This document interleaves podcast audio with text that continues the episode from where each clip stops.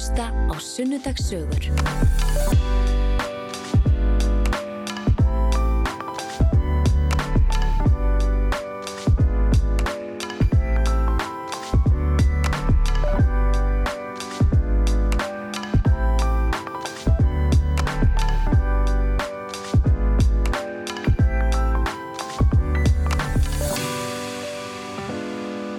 Komið sælir kæru hlustendur. Þetta eru sunnudagsögur á Rás 2. Ég heiti Hulda Geistóttur og höfum sjónum að þáttar eins í dag og gestur minna þessu sinni er Silja Úlfarsdóttir og uh, það er kannski nafn sem að já, margir Íslandingar þekkja og tengja, já kannski ekki síst við íþróttinnar en Silja á að baki áhugaverða sögu og margar áskoranir sem að hafa nú verið svona okkar þema í þáttunum undanfarið og Silja er sest hérna hjá mér í Ljóðver. Velkomin. Takk fyrir.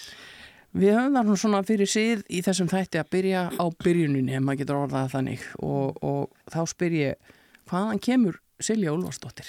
Herði, hún er klárlega hafringur. Ég vildi ekki að ég sagt ég væri gablari en því miður fættist ég ekki hafnafyrði en ég hef alltaf verið í hafnafyrði. En verðum bara að vera fættur í hafnafyrði til að með að nota þann titil? Já, sem er alveg svolítið sárt fyrir okkur sem erum alltaf hérna og förum ekki neitt. Já, og, og hvar fættistu þá? Í Reykjavík. Já, og bara, og færið þér því svo fljótlega á milli bæja? Já, ég voru bara dæin eftir. það er nú svolítið ósangjan hann get ekki stimpla sér þannig með gaflara stimplinum En bara því að þú fórst á spítalan í Reykjavík Einmitt. en svona er þetta og, og, og þú elst þar upp Já, ég elsta, elstar upp og, byrjaði í lækaskóla og, og tíu ára þá flytjum við í Sebergi í hafnafyrði og, og ég er ennþá þar, sko. Já, þú hefur ekkit farið annað nema svona eh, með bara stoppi ykkur staðar Já. Og hvernig var að, að alast upp í, í hefnafyrðinu? Mér bara, ég náttúrulega þekki ekkert annað en mér fannst þetta æðislegt. Þetta var bara gaman og, og hérna, ég er alveg svona feina voru ekki samfélagsmiðlar á þessum tíma. þetta bara, þá veist, það bara, þegar ég hugsa um æskuna þá er ég bara út að leika og ég er í íþróttum og, og hérna... Varstu ykkur göstlari eða svona ykkur óþekkt í þér eða, eða? Já, sko, sko, mér minnir, í minningun allavega, þá voru úlingadeild, þá var ég aðra hverja viku í straffi. það var eitthvað smá vesinn að skví, sko. Ég skil. Já, og, og, og bara svona ykkur prakkarastrík þá upp á tæki, ekkert, Já, ekkert já. mjög alvarlegt. Nei, ekkert alvarlegt, en hérna, bara, bara hafa gaman og forvitin og, og hérna, ég hef náttúrulega bara alltaf verið freka mikill extrovert og vil vera í kringum mikið af fólki og, og hérna, og kannski svolítið háar. Já, það er ekki alltaf vinsælt. Með ekki alltaf. En maður á að mega taka plás, það er nú bara þannig. En sko, varstu strax bara sem uh, krakki farin að stunda íþróttir? Já, ég sagt, byrjaði alltaf í handbólta. Ég reyndi, eh, já, við reyndum að setja mig í fimmleika en þú veist, ég var bara, þegar ég var 7 ára þá held fólk ég var í 10-11 ára, sko. Já, það verið stóru og sterkur krakki. Já, bara alltaf verið þannig og hérna, við sáum fljóta að fimmleikaferillin var ekki að fara að vera langur og, og mér fannst þetta svolítið skrítið. En hérna, nei, og svo fór ég í handbólta og, og hérna, mér fannst það alveg svakalega gaman. Fatta svolítið svona þar að ég er nú bara bæði sterk, ég fatta það náttúrulega mjög snemma, en ég hérna fljóta að leipa. Já, Og svo, þú veist, á sumrin þá náttúrulega var ekki handbóltæðingar og þá fór maður í fótbóltan og, og hérna, ég var svona, mér varst skemmtilegast að vera í marki þar það, svona, sérstaklega í rigningu að henda sér í drullina og koma heim grútskítugur og svona. já. En hérna, ég var stundum sett líka, þú veist, fram út ég var fljóta að hlaupa en ég bara hafði ynga bóltatækni og, og þú veist, minnir í einu leik hafi ég verið svona tólsinum eina móti markmanni og ég hitti tvísvar á markið, þú veist, bara þannig að þetta, það lág ekki fyrir mér, sko. Þannig að sprettharkan, hún, hún var mikil en sko það, það, ná, þú náður ekki að klára á hinum endanum. Nei, nei, nei, en hérna handbóltinn, mér fannst hann alveg ótrúlega skemmtilegur og, og svo tekið þátt í svona þrýþraut á vegum frjálsvættasambansin sem í raun og veru er í gegnum skólana Já, og hérna kennarin hún, Sandra, hún hérna hún var svona, þú veist, að láta okkur taka test eitthvað 60 metrar hlaup og eitthvað boltakast og hástökk og eitthvað. Og ég skoraði það hátt að ég fekk á keppingum úrslitum og, og hérna vann það. Þannig að svona mitt, ég held sko, annað frjálsjötamót var í Svíþjóð Já, já. og, og ég setti Íslandsmet eitthvað, þú veist, þetta, þetta var alveg svolítið skemmtilegt þannig að ég kom heim bara eitthvað, vá, herri, ég er bara úrslega fljótt að hlaupa Já, ég er búin að finna eh, hvar ég er best. Já, Svona eiginlega óvart einhvern veginn. já, en ég samt vildi ekkert verið frjálsum og hérna, út af því út af því að þau voru í svo þröngu fötum Já. það var, þú veist, þetta var aðeins öðru í sig heldur en, en í dag, sko Já. og það var malarvellur, ég var að æfa malarvellur í Kaplakrika, Jú, það var ekki komið hlaupabraut og Ná, ég man að eitt skipti þá var hérna, þjálfari minna að veist, þau voru svona frjálstu þjálfarin, þau sátu svolítið um mig og sáu greinilega eitthvað og, og bara þú veist og ætluðu bara að ná mér sem ég er mjög þakklátt fyrir, Ekkert Bóðursson og, og Heiða þau gáðist ekki upp á mér og ég mani eitt skipti þá hafði hún látið mig fá svona þröngar tætsbuksur og, og hún alveg, já nú sprettum við og þú verður í buksunum og ég var sem sagt í þeim undir og svona víðum ítrútabuksum yfir Já.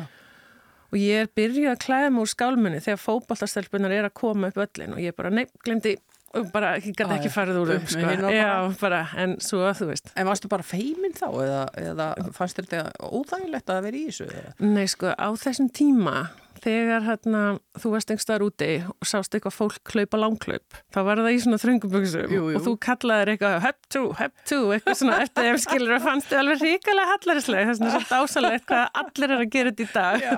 hvað tímanni breytast. En já, mér er bara eitthvað neinn þetta, þetta, mér fannst þetta eitthvað óþægilegt sko. ég vildi bara keppa einhver svona lífæs svona efnistöpuksum, bómöllastöpuksum og brasilíska landslýsbúningum Já, ég var bara í því einfalt og gott. já En þú hefur nú endarlega setna þurft að skipta um skoðun hvað þetta var þar. eða? Já, já, klálega og hérna, svo bara svona kynntist íþróttinu betur og fólkinu og, og hérna, svo er bara sjúklega gaman að vera bestar í einhverju, sko. Já, og hvernig þróaðist þessi íþróttaferildin, uh, þú veist, uh, þú, þú ert farin að keppa á fullu bara þarna uh, sem ungmenni og, og, og, og, og ferð síðan, ég fær mér sér skólastyrk til þess að- að Já. stunda þína íþrótt í útlöndum. Já, ég sem sagt byrja að keppa, ég vildi ekki æfa, ég æfði lítið og hérna var handbóltanum aðalega og, og svo sem sagt keppi ég á Norðurlandamóti úlinga eitthvað sumari fyrir Vestló, ég fór í Vestló sem sagt og, og, og ég næ eitthvað þriðja sæti í fjörundarhlaupi á Norðurlandunum, þannig ég var bara eitthvað, heyrðu, það er bara fullt að tækifærum hér og ég get bara ferðast miklu meira hér heldur en í handbóltanum því ég var alveg komin í eitthvað svona úlingalandslis hóp sko í handbóltanum Mm. og tók það ákvörðin þegar ég byrjaði Vestló að ég ætlaði bara að vera fljótust á landinu Já, og byrjaði bara á því. já. Og fóstu þá að herða á æfingunum eða tókst þetta svona einhverjum metnaði? Já, já, ég fór þá bara all inn í það og, og lofaði mitt uh, frjálsetta tilt FA og, og frjálsetta sambandinu að hætta í handbólta en svo var ég í Vestló og Vitti Sím var handbóltaþjálfari minn og hann var að kenna þar og, og er enn held ég. Þannig að hann svona plataði mér stundum á einhver mót og eitthvað en þá mátti ekki enginn vita af því og eitthvað svona sko. Þannig að það var ótrúlega, ótrúlega gaman sko. Já. En uh, fóstu í, gegnum Vestló eða kláraði þar áður en þú fóst uh, út? Já, já, já, já. Guð, mér hást Vestló tíminn algjört æði sko. Já. Mér hást það voru svo skemmtilega tími og Varst Ég- þú típan sem að uh, stakst þér á kafi félagslífið? Já, alveg 100% og ég var, um, hvað, á öðru ári og, og ég loka árinu, þá var ég hérna, í Íþróttanemnd Já, og maður kannski kemst ekki alltaf á fyrsta ári í Íþróttanemnd en mér tókst það og, og hérna, ég misti ekki af neinu partíi en ég misti heldur ekki af neitni æfingu. Nei.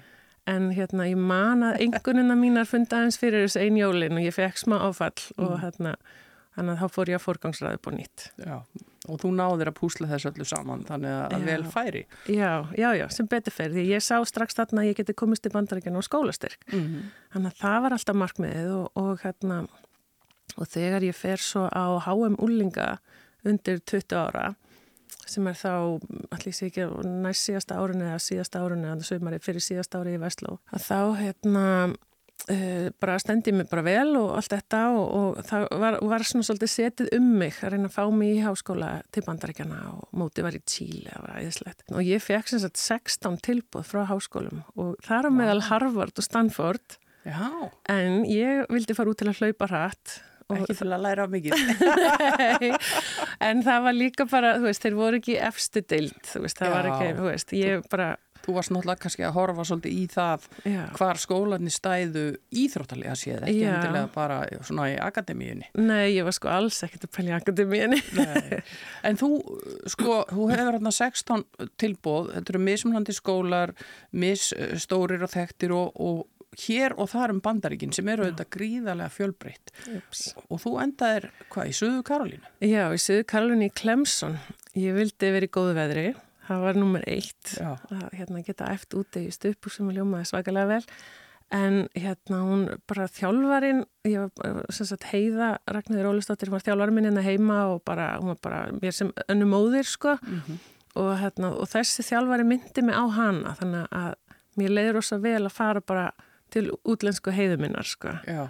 Færa þau svona bara yfir í annað svipað umhverfi svona þjálfunulega séð Já, og, hafa gott kannski utanumhald. Já, bara hún var með góða nærveru sko, en, en svo kom bara í ljós að hún var, hún var eiginlega bara afleitur þjálfari sko. Æ, æ. Já, það er eitt að vera með góða nervur og annað að vera Já. góð þjálfari.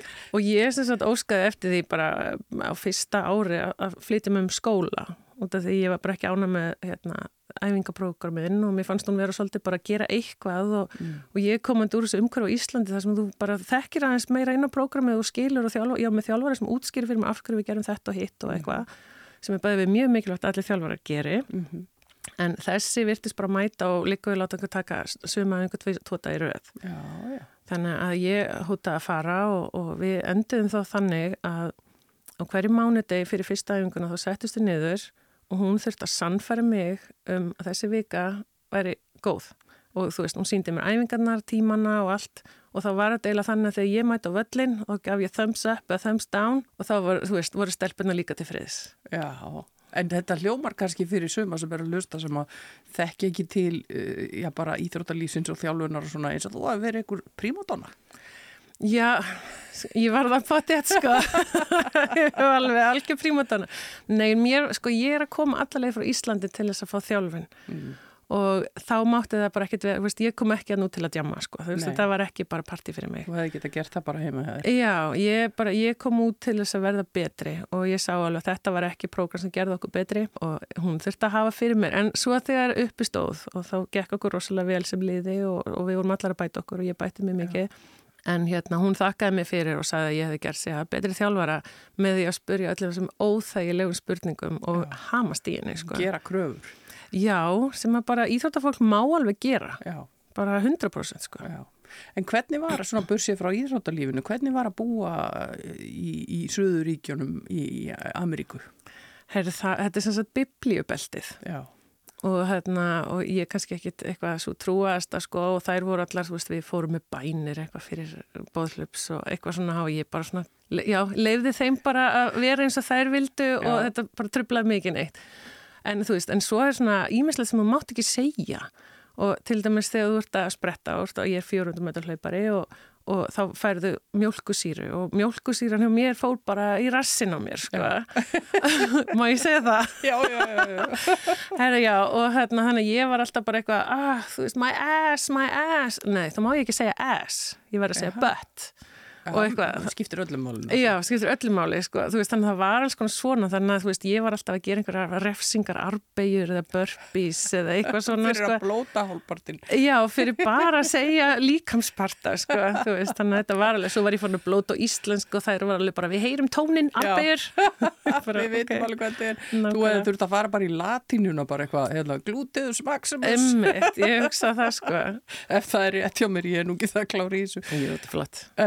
þetta hefur verið sagt líflegur og skemmtilegu tími. Hvað varstu lengi í Ameríku?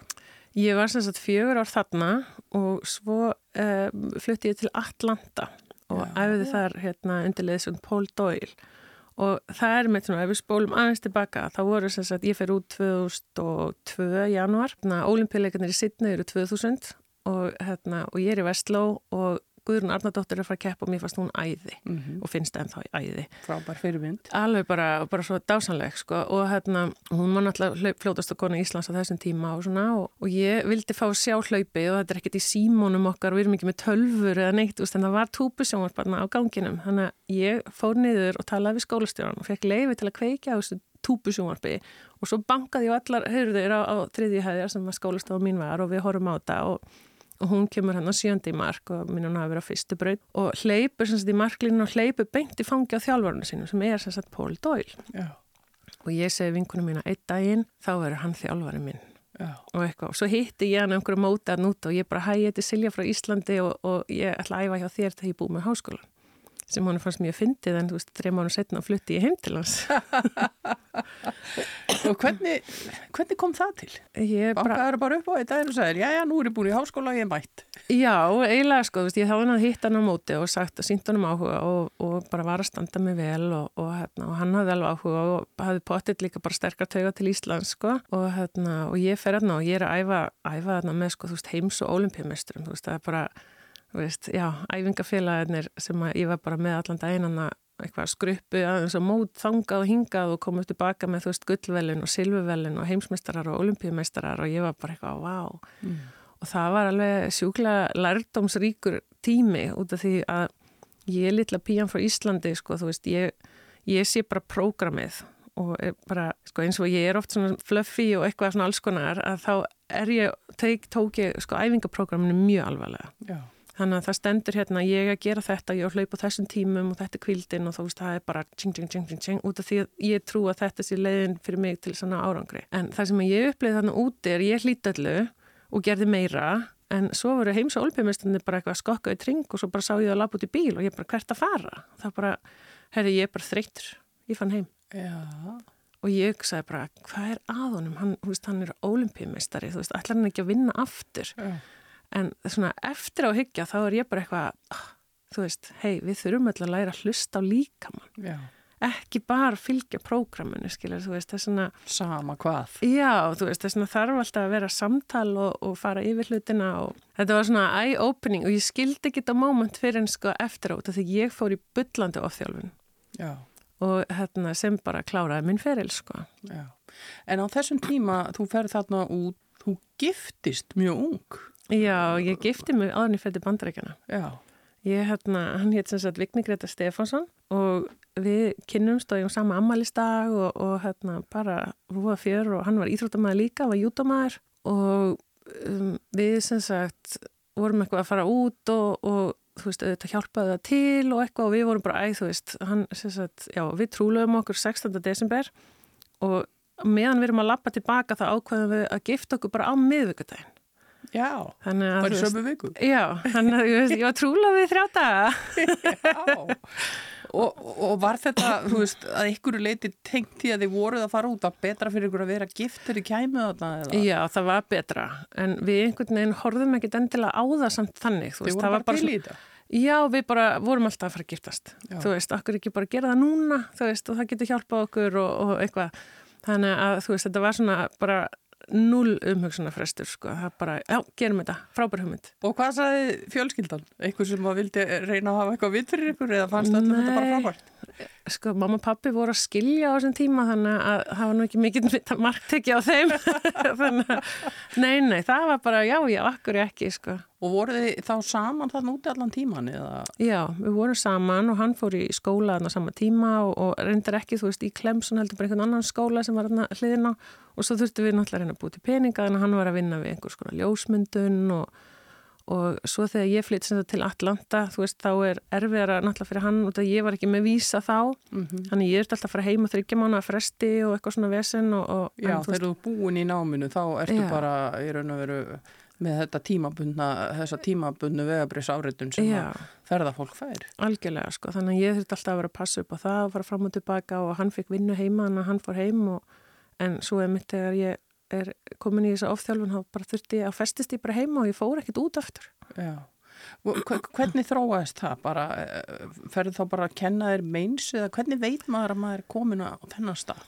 Það var, var eitthvað en ég hafði ekki heyrt neitt verið í svona en allt í hennu var sko auðveld hlauporinn erfið um, og ég var svo sem hægt að sofa, ég var svo opbúslega mikið eitthvað að reyna að létta mig, ég var eitthvað svo upptekinn af því að ég hérna, þú veist, bara borðaði ekki nóg heldur, þú veist, ég bara, ég taldi mig verið að hugsa vel um mig, en mm. veist, ég varða ekki, mm -hmm. en svo, þú veist, er ég að keppa á tíma, ég bara aldrei sé svona lélega tíma, það var óslægt skrítið, samt búin að leggja svo mikið á mig og og ég man bara að þetta var svona, þetta var umulega vanliðan, svo kem ég heim og ég er á æfingu og ég er að taka einhverja æfingu og ég er ein upp í hérna lögatashúsinu nema ég sé að það er einhver maður hana og ég bara taka hlaupa á eitthvað og svo bara ranka ég við mig þá stendur hann yfir mér wow. og ég hérna og ég myndi að ég fengi svona eitthvað hjarsláta eitthvað, þú veist, Já. ég veit ekki hvað það var og hérna, og ég horfa á hann horfi á úri mitt og segi bara shit, setta kvildinu búin og ég hleypa stað og hann Nei. bara, heyrðu væna, þú veist að leiði yfir þig og ég segi venn, ef þetta gerist aftur ringd á sjúkrabíl og svo bara hljópi ég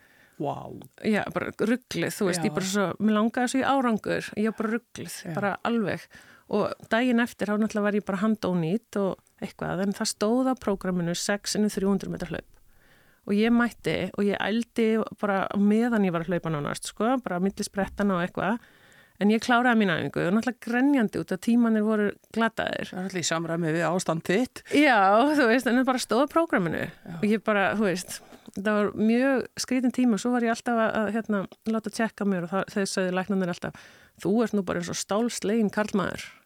Já, er það viðmið? Já, allan að þá.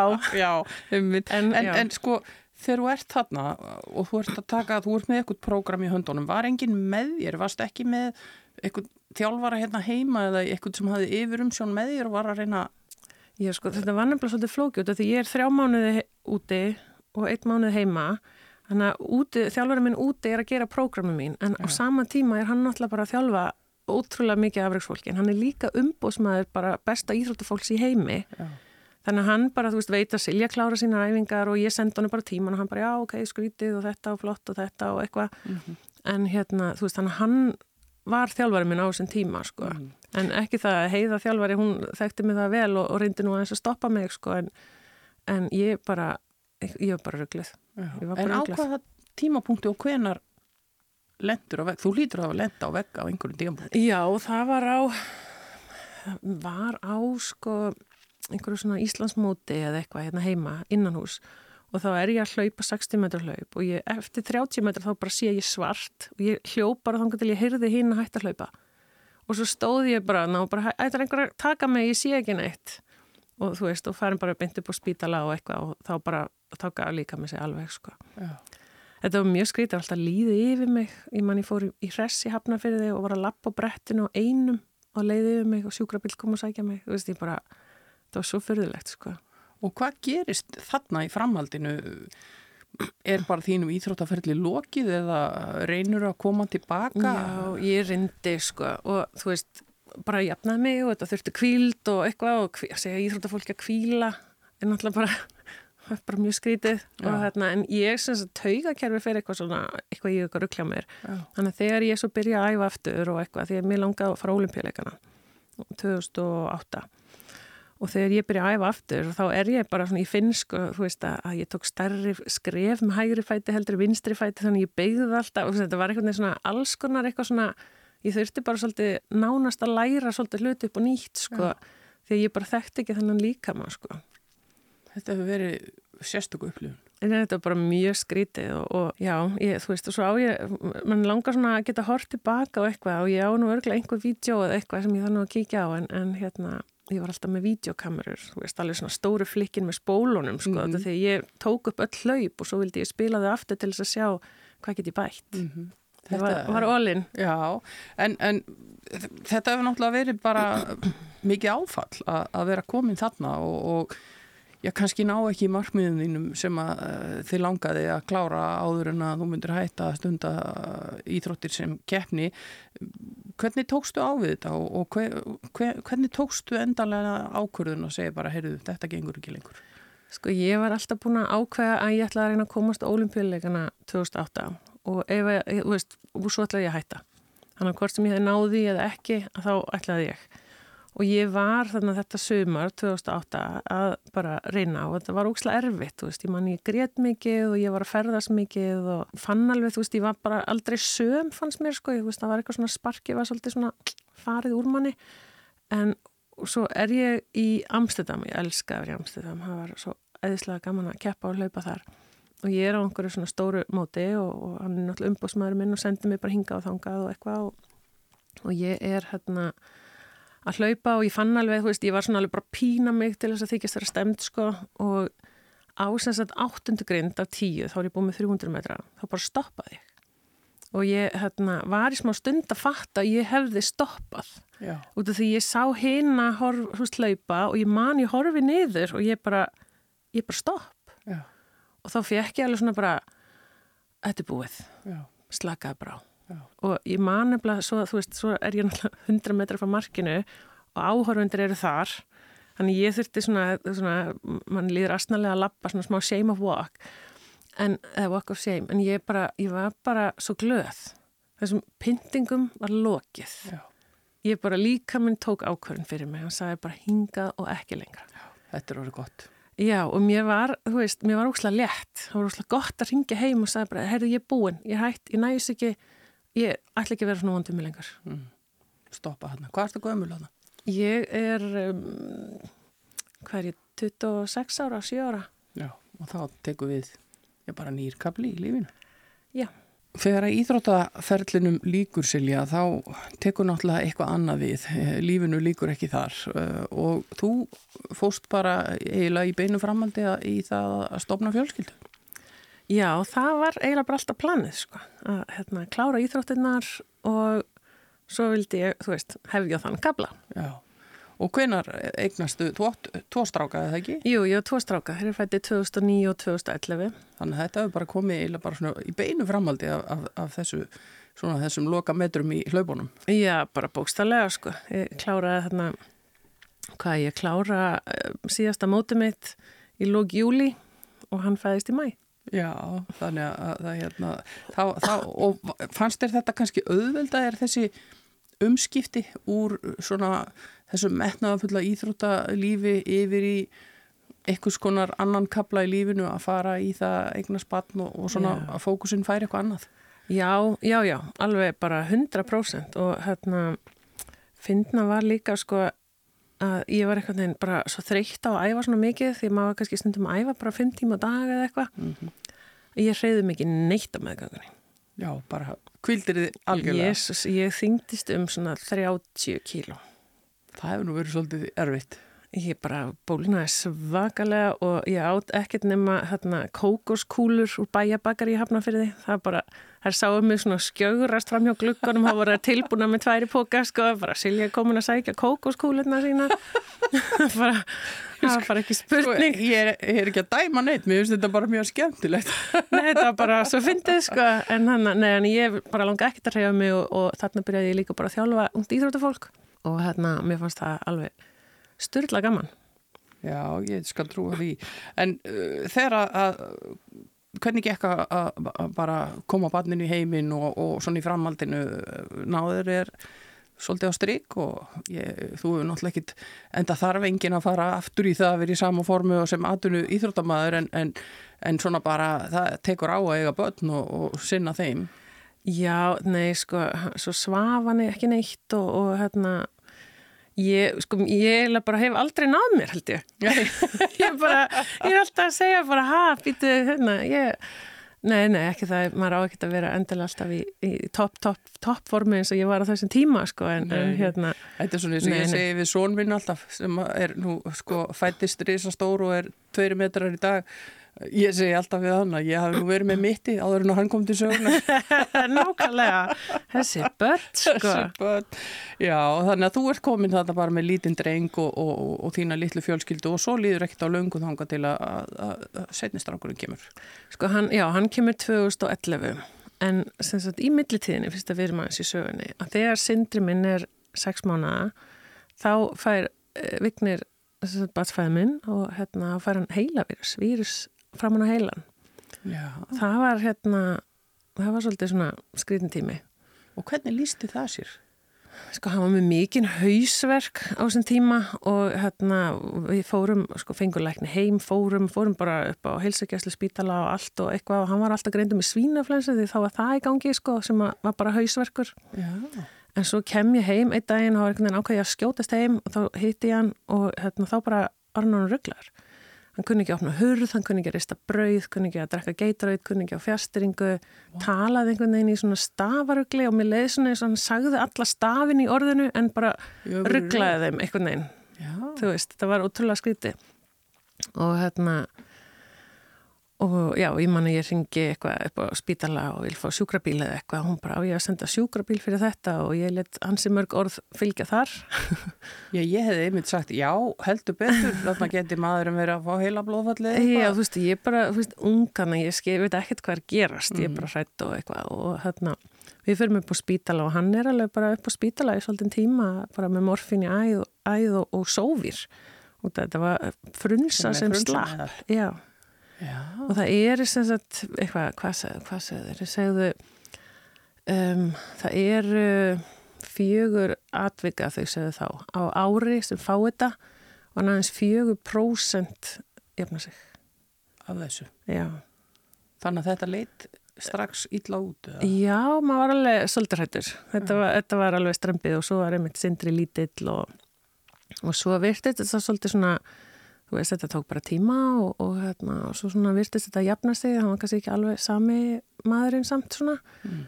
en hérna, samt dásalega skemmtilegur og allt það mm. og hérna, og svo fæði ég sem sagt snævar 2011 Og þannig að þú ert þá þarna með tvö lítil börn og, og var hann eins og segir, þetta jafnaði sig einhver leiti en, en ég minna fór hann aftur út á vinnumarkaðin eða var hann full fær alveg um, já, um já, það? Já, já, alveg, þú veist en svona bara aðeins mér aðt í háti og hérna sem gerir sumt erfiðara en hérna, nei, nei, hann var alveg hérna, hann var alveg þú veist, bara þú veist, nánast venjulegur, skilur þú veist, Já. en svo bara, svo kannski sjá aðrir kannski ekki mun, en ef þú býr með viðkomandi þá kannski finnur þú mesta munin, sko Já, en hjónabandi endist ekki?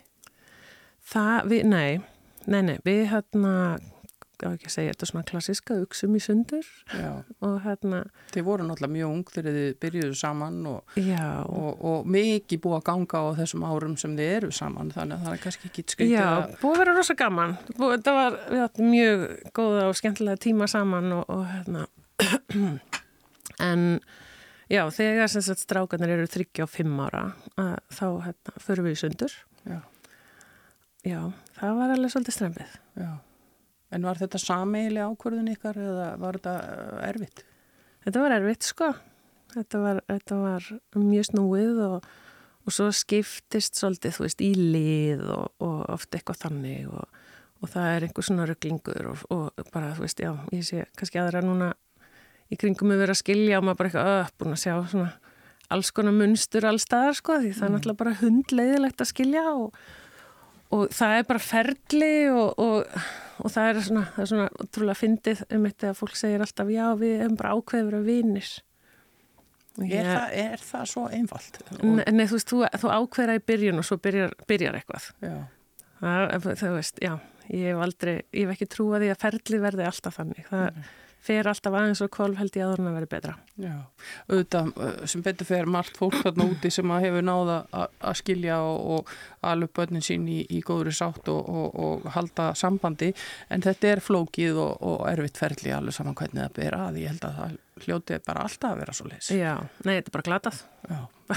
bara góður í íslensku þá er það, þú veist, þetta er náttúrulega bara fólk þú veist, þú, þú býr til fjölskyldu og, og þú eignast börn og þú, þú ætlar að vera saman mm -hmm. þú veist, þú ætlar að vera gömul mm -hmm. með viðkomandi og, og þess aftar sko, þú veist, það, var, það er alltaf planið Já.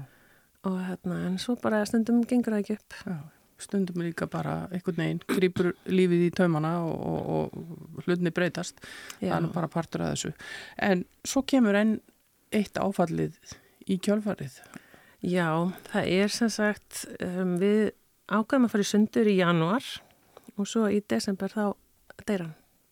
Og það er bara mjög skyndilegt. Já, það er mjög skyndilegt og þetta var, þetta var ótrúlega skrítið allt saman sko því að í, sagt, við förum í sundur í januar, ég fóbrotna í februar, er á hægjum fram í júni, fer þú veist í eina aðgerð einhverja þá, ég ristabrotnaði í handbólta bumbuboltinn sko, hann er svolítið hættileg herðinni og hérna og svo þess að átti ég að fara í aðra aðgerð, sem var stóra aðgerð sem að átti að hérna uh, færa bein og, og eitthvað því ég bara, það var ekkert að gróa og svona fangur og skrúur og eitthvað, átti stóra aðgerð og, og ég átti að fara í hana 16. desember mm. og Ég hef alltaf svona hlusta svolítið á einhverja litlaröld í höfðunum mér og ég man að ég er sem sagt um, í Berlín á Adidas ráðstöfna sem ég var að vinna hjá Adidas á þenn tíma og ég er í svona miðju þvögunni sitjandi og ég held íni bara að stenda upp og bara, herri, ég verið að færa aðgerna bara, þú veist, þannig ég er fyrirgeð, fyrirgeð, fyrirgeð fyrir eitthvað fram, ringi í gemstan hjá lækninu mínum, hann svara bara í fyrstu ringingu og ég sagði, ég þarf að færa aðgerna ég vil ekki fara í aðgerð 16. desember, ég vil fara fyrr og hann bara, ok, hvernig hljómar þú veist, annan desember og ég bara, já, frábært og hérna, og lápa tilbaka og sest niður og bara, veist, ég skil ekki af hverju ég gerði þetta Já.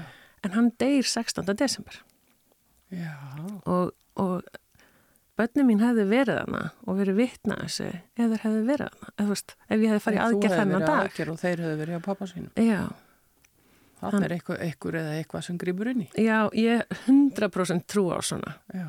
Og hérna, en það hleypi alltaf til þegar ég fæ einhverju svona hugmyndir. Ég bara, ok, ég, það, ég á að gera þetta. Já. Þannig að, já, en, en sko dagana fyrir, það var svolítið skrítið því að ég hérna uh, ringi í hann og segir, herðu, hérna við þurfum að fara til læknis.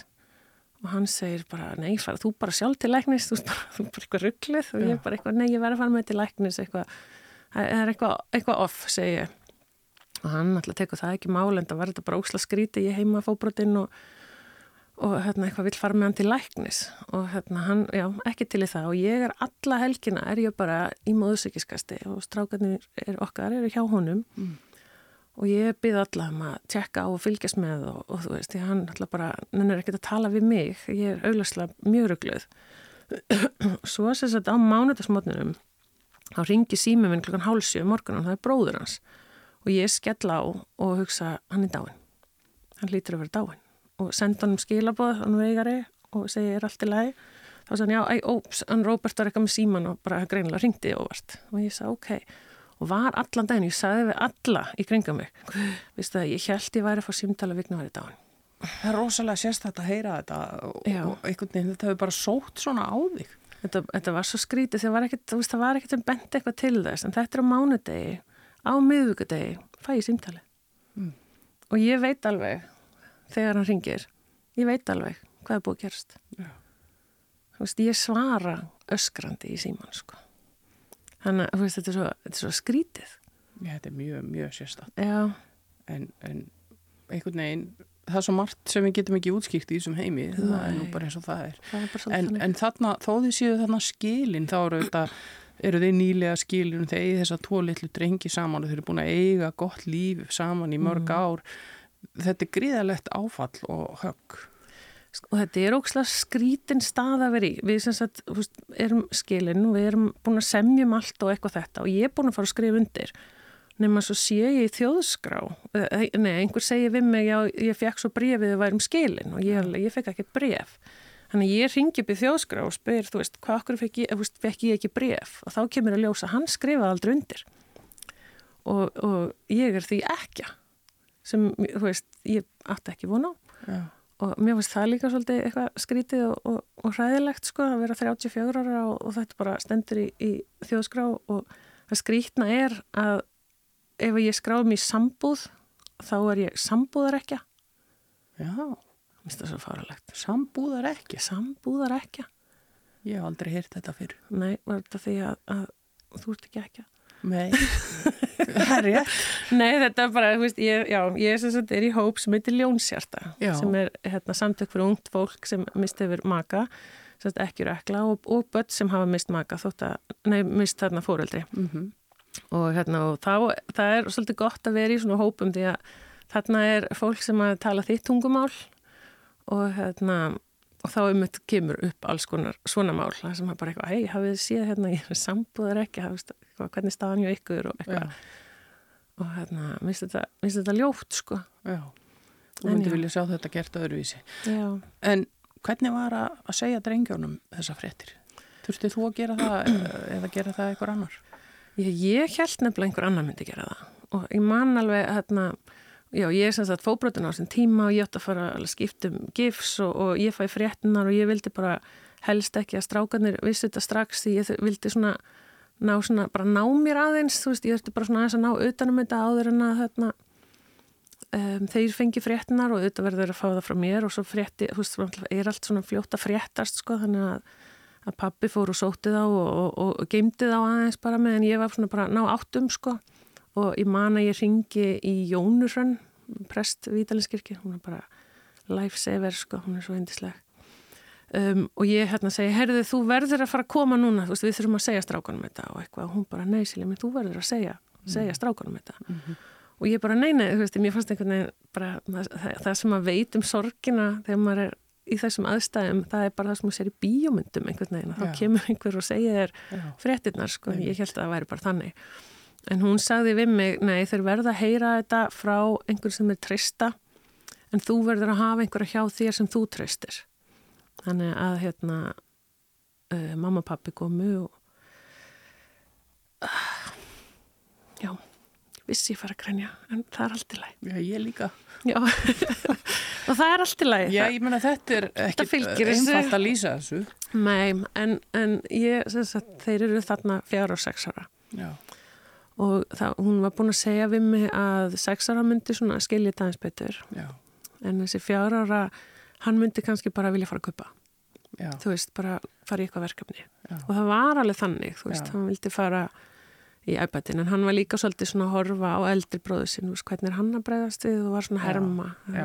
er svolítið sætt, sko En það er nefnilega þannig að börn bregðast, geta bröðist allt öðruvísi fyrir sorgheldur en við gerum og, og, og, Já. og, og það getur verið gott einmitt að bara hreinlega að leita sér upplýsinga um það vegna þess að það, það er ekkit rangt í þessar stöðu eins og segir.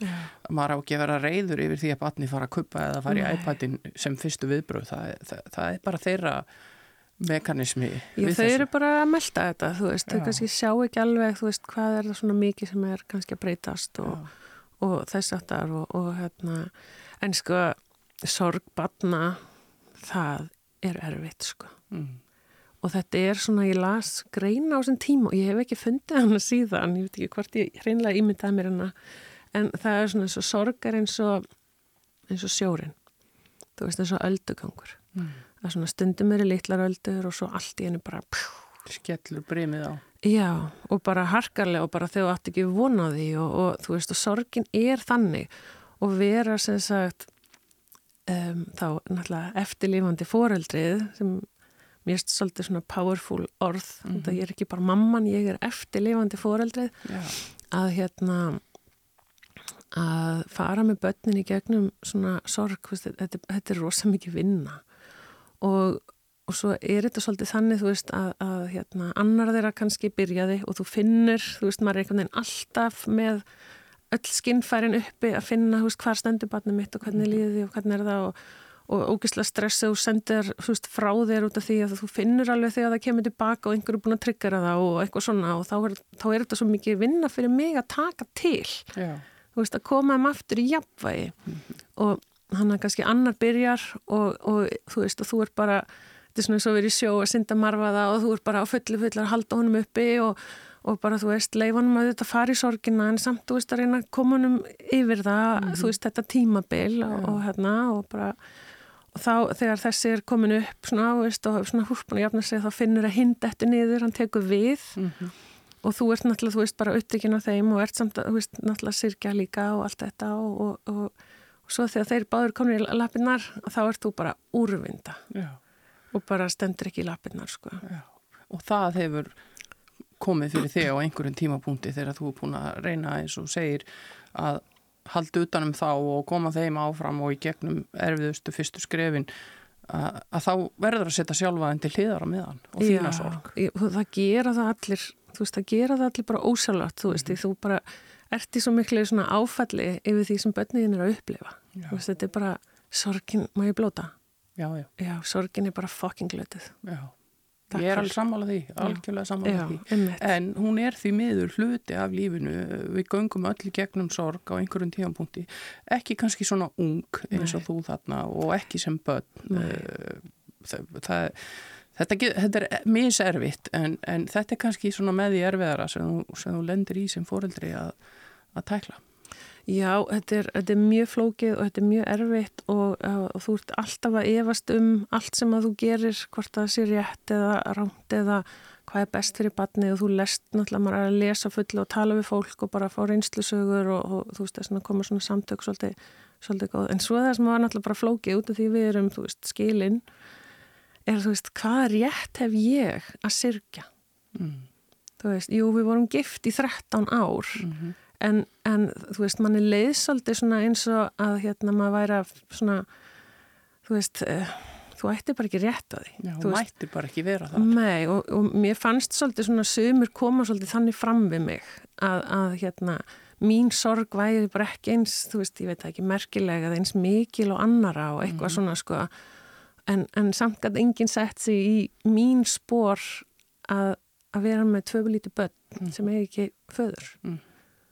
En hvað drá hann til döða? Var það framhald af þessum fyrir veikindum? Já, hann sem sagt þegar, þegar þetta kemur upp og hann fær um, vírusinn fram hann á heila að þá segir læknirinn við mig að hann verði annarkort með einhvern tauga sjúkdóm eða einhvern tauga skada eftir þetta eða verði flóa af einhver. Já.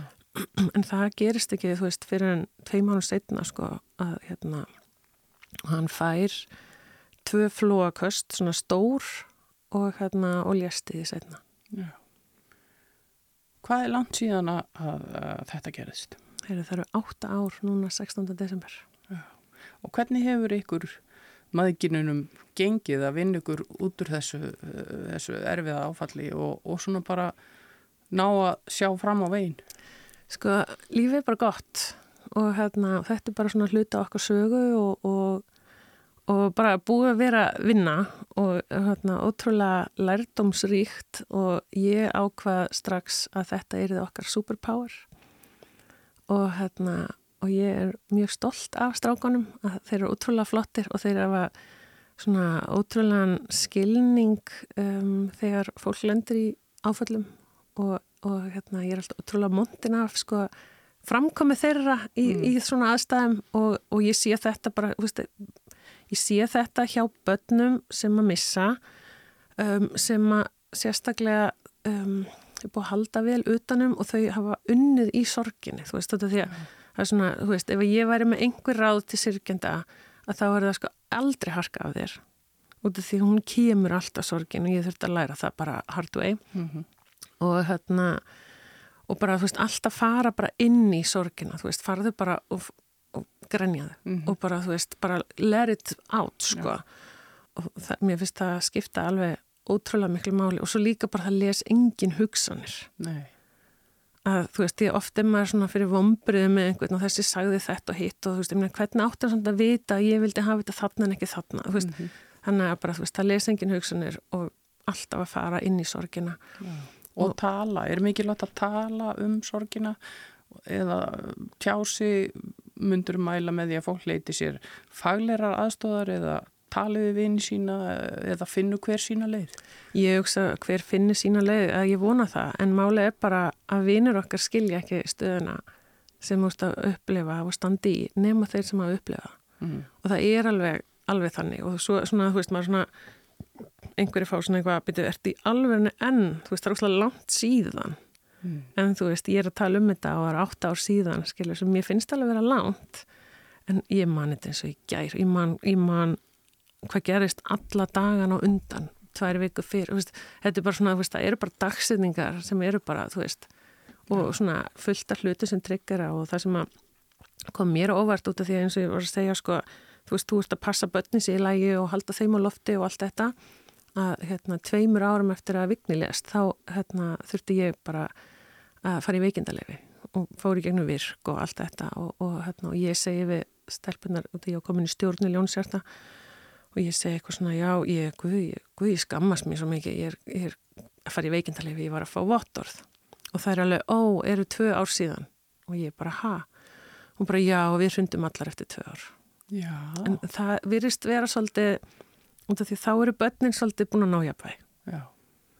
Og öll orkan auðvitað búin að fara í að fókusa á þau og þeirra velferð. Já, bara, bara allt, allt lífið snýst um að börnin sé í lægi, sko. Og þetta er svona, það var hræðilega erfiðu tími, en, en hérna, ég, þú veist, ég er samt alveg þakklátt. Mm. Já, þú veist, því ég bara, ég finn alveg hvernig þetta hefur mótað mig sem manneski og ég finn hvernig áhrif þetta hefur haft á strákana mína og, og bara, hérna, svo ég nefni bara æðislegt dæmi, ok, æðislegt kannski ekki orðið, en, en en sagt, það er sem sagt strákur sem að missir fóreldri og yngri sonu minn hann fyrir til hans og, og segir hérna og hann svona hann veit alveg hvernig það er að fá náttúrulega fólk og, og segja eitthvað og, og maður vill ekki vera hvar sem er og fara að grenja og eitthvað svona hann, hann fór til hans og tók svona í hann og sagði þú ert duglegur. Og ég sagði okkur að sagði það? Hann alveg, ég ætlaði að gefa hann kraft. Ég vil ekki, þú veist, að hann brotni niður. Mm. og eitthvað. Og ég bara, þú veist, ég var svo oh, mamma er svo stolt, sko. Veist, það bara, þetta er þannig þú veist, að, að, að hann skilur þú veist, svona smá hvað, þú veist, þú verður að fara Já. en þú vilt ekki græta. Já. þannig að þú veist, þetta er svona þetta er smá list sem að það er að finna þennan, að feta þennan veg, en þetta eru, þetta eru röð áfalla, það, íþróttaferlinum líkur ekki kannski alveg eins og þú vildir, þú, þú fótbrotnar svona illa og ert að gangi gegnum það með lítil börn. Það er skilnaður, svo kemur þetta skjálfilega döðsfall mm. og, og að komast í kegnum það allt saman og, og, og vera þarna orðin ekja með, með lítil börn. Svo lendur líka í, í erfiðu máli varðandi uppgjör og frágang og það var meira að segja að einhverju blaðmáli að landsbankin fer í málviði Já, þetta er bara ótrúlega surrealist dæmi að hérna, landsbankin týnir frumritinu á láninu, á íbúðinu sem sagt, sem við vignir áttum. Dægin á hann deyr, þá skrifum við undir samning og ég kaupa hann út úr íbúðinu. Og hérna, sem betur fyrir hafði ég það skjál og, hérna, og svo kemur í ljósa að hérna, út af því að ég sé að það er sagt, núl ásett á íbúðinu eða eitthvað svo leiðis út af því að ég skulda ekki neitt út af því að það er búið að afskrifa lánið. Já og frumritið er ekki til. Það er samt, ég með ljósrit af stimpluðu frumritið þar sem stendur bara afskrifað. Já. Og það fara bara, ég er náttúrulega manilega svo lítið eftir þessu, þetta var okkur átt í svona þessu móka tímabili eftir döðsfalli, mm -hmm. að hérna, og, og þetta var, ég man að ég fer, og ég er ennþá fóbrótein, þannig að þetta er eitthvað í kringum jarðaföruna, sko, og fer á, á fund hjá landsbankanum og þar er einhver lögfræðingur og ég fæ bara hroll, þetta er svo nortn í mínu tilfelli, þú veist, ég bara uh, og hún segir við maður bendur á að þú skrifar ekki undir nýjan samning sem var bæðið og ekki á eins góðum kjörum að þá ætlaði að taka mér íbúðina Já, bara svona eittur og þrýr þó Já. að þú hefðir sjálfu sér ekki tekin einn skref eða gert neitt Ekki neitt Þetta er og veru, það, þá vantaði gögn sem að þeir höfðu tínt. Já, og ég átti að sanna það að ég var ekki með þessu gögn. Hvernig á ég að sanna það? þetta, bara, þetta, var, þetta var bara eins og ótrúlega léleg bíomund. Og þetta bætist ofan á allt hitt og þú þannig allt í einu komin bara inn í einhver málaferli. Já, og þú veist að það var alls konar einhvern veginn samskipt okkar á, á milli og ég kunni ekki neitt og ég vissi ekki neitt og, og hérna, eh, enda með villi vil lögfræðingur, hann hérna kemur inn og, og, og hjálpa mér og þú veist, það er ógislega skrítið að vera eitthvað, þú veist, 35 ára og bankinni bara að reyna að taka þér húsi sem að þú átt og þú ert, þú veist, ein með tvö líti börn og í sorgaferli og þú veist, þetta bara, sko, í mínum huga er bara landsmáki móndekallin mm. og bara verður það alltaf. Þú ert vantarlega ekki með þín viðskipti þar í dag? Nei, svo sannlega ekki og mun aldrei vera. Því ég bara aldrei upplifa eins dóna, ég veit ekki að hvort ég er að segja sem ég langar að segja. En já. Þú getur hugsaða. Já, þetta var bara, þetta var ótrúlega skrítið og eitthvað að mæta, veist, þetta, þetta voru alveg eiginlega, hvað segir maður, fjögur svona dómsti, hér á stómur landsdómur, hér á stómur landsdómur og eitthvað ég ert að koma að byrja vitni og, og þá voru þeir bara eitthvað, já, þú veist, að Vignir hefði verið með brefið og hvað, ég ætti að leiti dótinu hans mm. en viti menn að það var bruni í, í geimslónum í Garðabæ Já, og, svona rétt til þess að topa þetta ferli allt saman. Já, og allt ánabúið hans fór var í, í geimslu þar. Þannig að þú veist, þetta, þetta, þetta er bara já, og svo segir fólk sem sagt og mér langar að koma þess að því að fólk segir það er bara lagt það á þau sem þóla þetta eða eitthvað svona, og við sko hjá við. Það er bara lagt á þetta sem þóla og þetta er bara ógeðslegasta setning sem að ég hef heyrt og ég ætla að hvetja hlustendur til að aldrei segja þetta því að þetta er bara rýtingur í sárið Já. en hérna þú veist, auðvitað þólir engin neitt, þetta er eins og þegar, þegar emitt, fóröldri, hitt fóröldri missi, deyr, eða maki deyr og þá segir fólk oft út svo duglegur, mm. svo dugleg mm þú veist, hvað, hvaða val hef ég annað en að standa í lappirnar og, og þú veist, gera það sem gera þarf alveg eins og allir aðri fóreldra þurfa að gera. Ég er ekkert eitthvað dögleg, en ég veit bara ég á börn sem ég þarf að koma til manns mm -hmm. og ég get ekkert bara leiði í rúmunu. Það er bara ekki bóði og, og þetta orð döglegur það fer, fer brjóstið á mikið af fólki sem hefur mist. Já.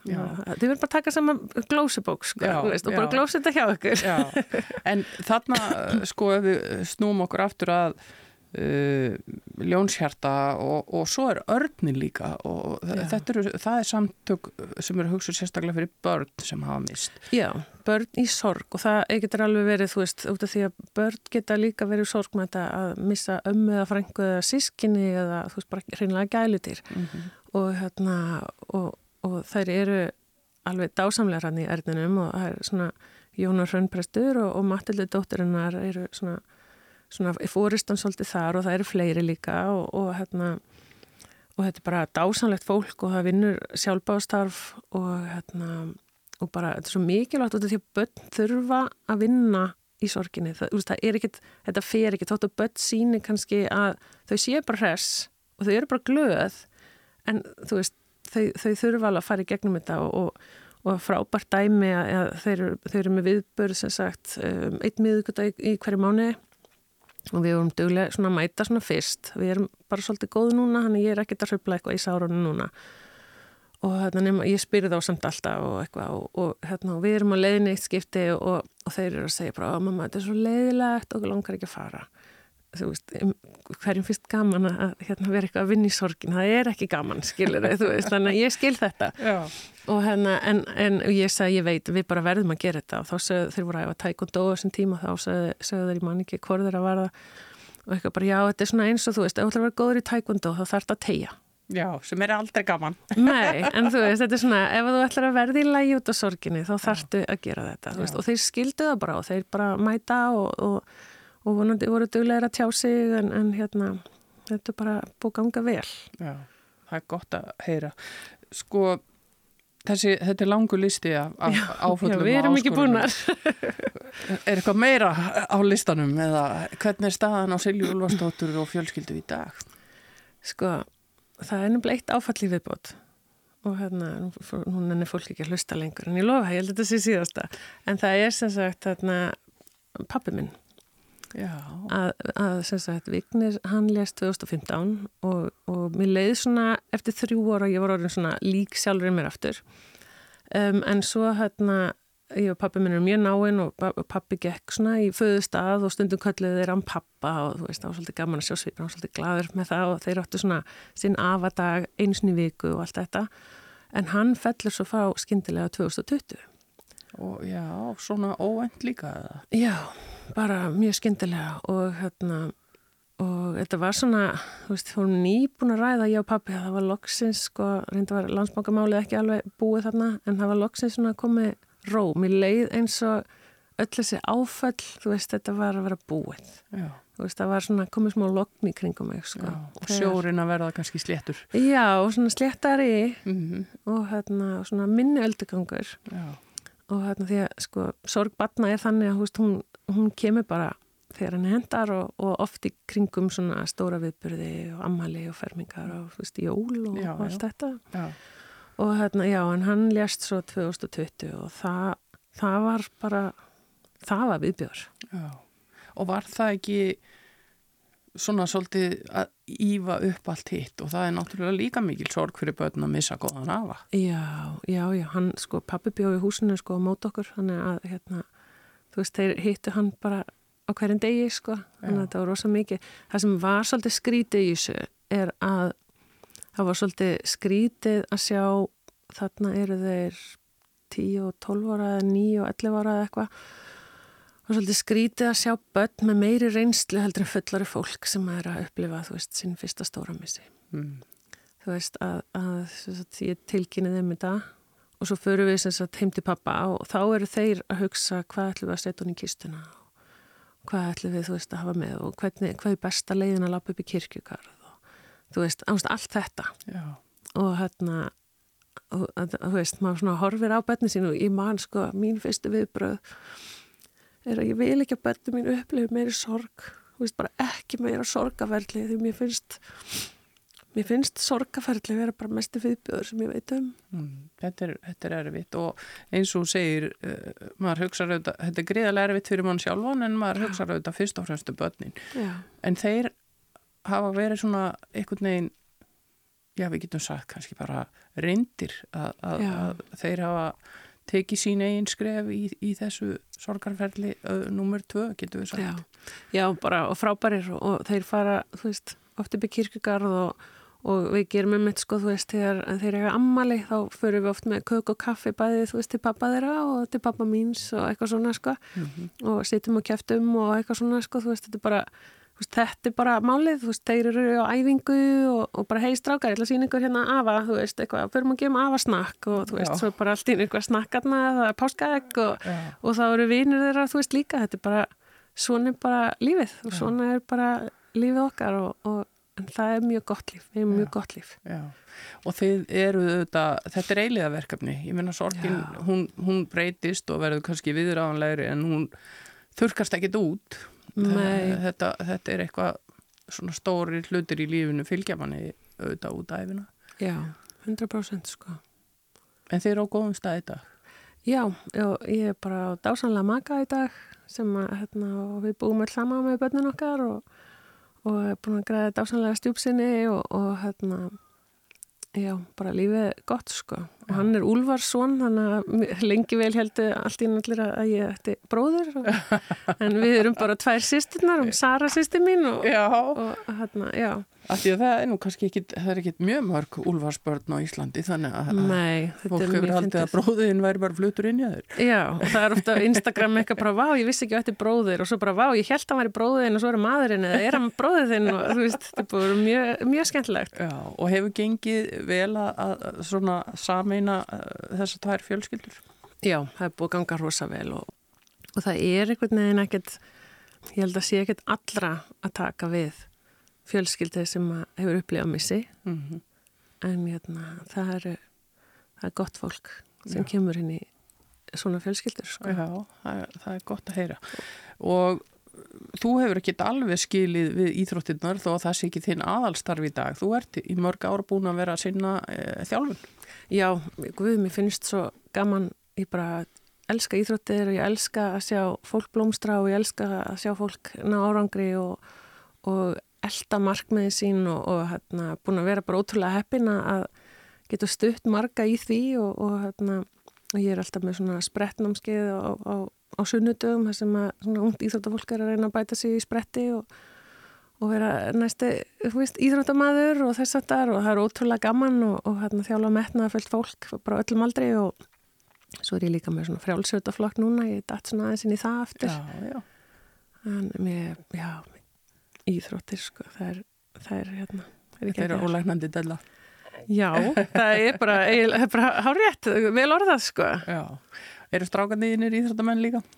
Já, þeir eru svo sem báður í frjálsum, ég er að þjálfa yngri mm. og hérna, eldri vil alls ekki sjá með mig sína í, í, í þjálfara hlutverkinu, alls ekki.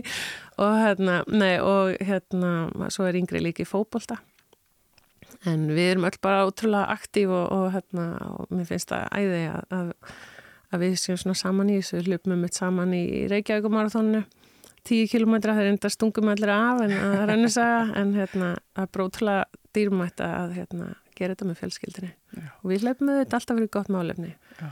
og lífið heldur áfram. Og lífið heldur áfram og, og hérna, ég er bara mjög sátt við staðin sem við erum alltaf á í dag og okkur líður alltaf vel. Það er gott að heyra Silja Ólvarsdóttir, takk fyrir að setjast hjá mér í sunnundagsögur og segja okkur þína sögur. Takk fyrir.